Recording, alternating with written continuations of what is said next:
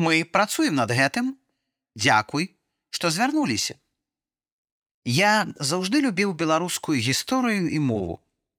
Здаваў ЦТ па беларускай мове, каб паступіць ва ўніверсітэт. Увесь час цікавіўся і падтрымліваў беларускія культурніцкія праекты.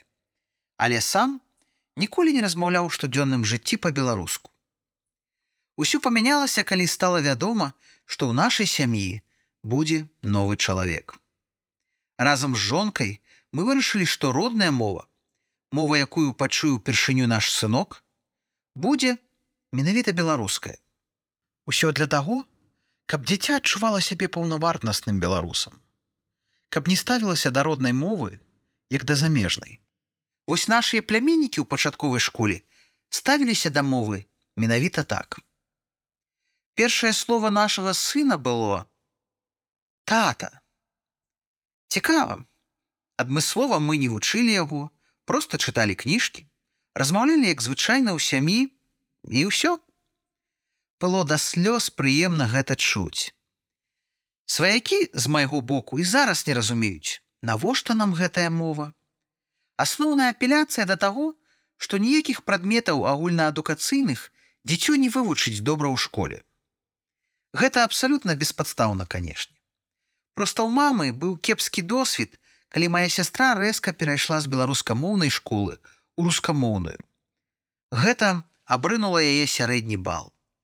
У дзяржаўным садочку немагчыма зрабіць так, каб група дзетак была беларускамоўная. Адказваюць, быццам няма ахвотных. Фармальна ў іх ёсць адзін занятак на тыдзень, дзе камунікуюць з дзеткамі на мове. На самой справе гэта, канешне ж, не так.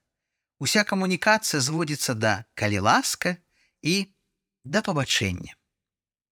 Наш сын наведваў дзяржаўны садок прыкладна паўгода. І мы заўважылі, што ён стаў больш выкарыстоўваць рускай мовы ў стасунках з намі. У выніку мы прынялі рашэнне змяніць садок на прыватны з беларускай мовай навучання. Яго мы наведваем ужо трошкі больш за год, вельмі задаволеныя. Розныя дзяржаўныя і прыватныя установы, банкі, сістэма арыб, Я шмат падпісваў розных петыцый, пісаў лісты ў банкі, але далей за адпіскі кшталту мы працуем над гэтым, дзякуй, што звярнуліся, нічога не было. Лічу гэта класічнай праявай моўнай дыскрымінацыі і, канешне ж, парушэннем моўнага заканадаўства. Таксама ёсць безліч беларускіх інтэрнэт-крамаў, пляцовак, якія проста ігнаруюць беларускую мову. Не маюць лакалізаваных інтэрфейсаў.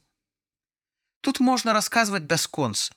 Уся гэтая сістэма пабудаваная такім чынам, што ўсе толькі паціскаюць плячыма і малююць на паперы ідэальнае двухмоўе.